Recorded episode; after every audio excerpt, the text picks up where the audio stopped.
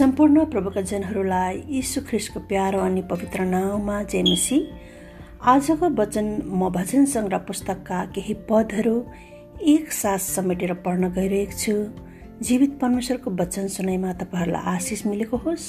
यहाँ यस्तो लेखिएको छ हे परमेश्वर तपाईँ मेरो परमेश्वर हुनुहुन्छ।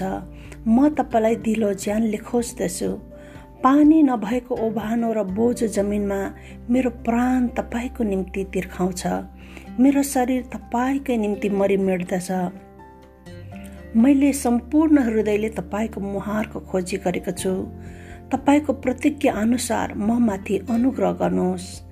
तपाईँको हातले मलाई बनाए मलाई आकार दिए। तपाईँको आज्ञाहरू बुझ्ने समझ शक्ति मलाई दिनुहोस्। हे परमप्रभु तपाईँको मार्ग मलाई देखाउनुहोस्। तपाईँको बाटोमा हिँड्न मलाई सिकाउनुहोस्। तपाईँको सत्यतामा मलाई डोराउनुहोस् किनकि तपाईँ नै मेरो उद्धारको परमेश्वर हुनुहुन्छ। आमेन। जब जब पनि म भजन सङ्ग्रह पुस्तकका त्यहाँ लेखिएका कुराहरू पढ्छु मेरो हृदय भित्रबाट नै आनन्दित भएको हुन्छ।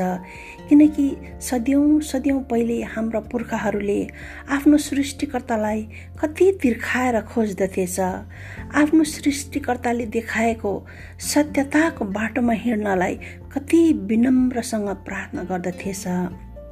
प्रभुका जनहरू हो आउनुहोस् हामी पनि त्यसरी नै हाम्रो पुर्खाहरूले चाहिँ आफ्नो सृष्टिकर्तालाई हृदयबाट खोजौँ उहाँको तृषना गरौँ ताकि हाम्रो भावी सन्तानले पनि हाम्रो परमेश्वरप्रतिको प्रेम हामीले गरेको परमेश्वरप्रतिको प्रेम आधार र तिर्सना देखेर उनीहरूले पनि आफ्नो सृष्टिकर्ता परमेश्वरलाई खोज्न सकेको होस्। अनि उनीहरूको परमेश्वरप्रतिको प्रेम आदर र तिर्सना देखेर उनीहरूका छोराछोरीहरूले पनि त्यसै गर्न सकेको होस् अनि यसरी नै हाम्रो सन्तान पछिका सन्तानहरूले जीवित परमेश्वर स्वर्ग पृथ्वीको सृष्टिकर्ता साँचो परमेश्वरको आराधना र सेवा गर्न सकेको होस्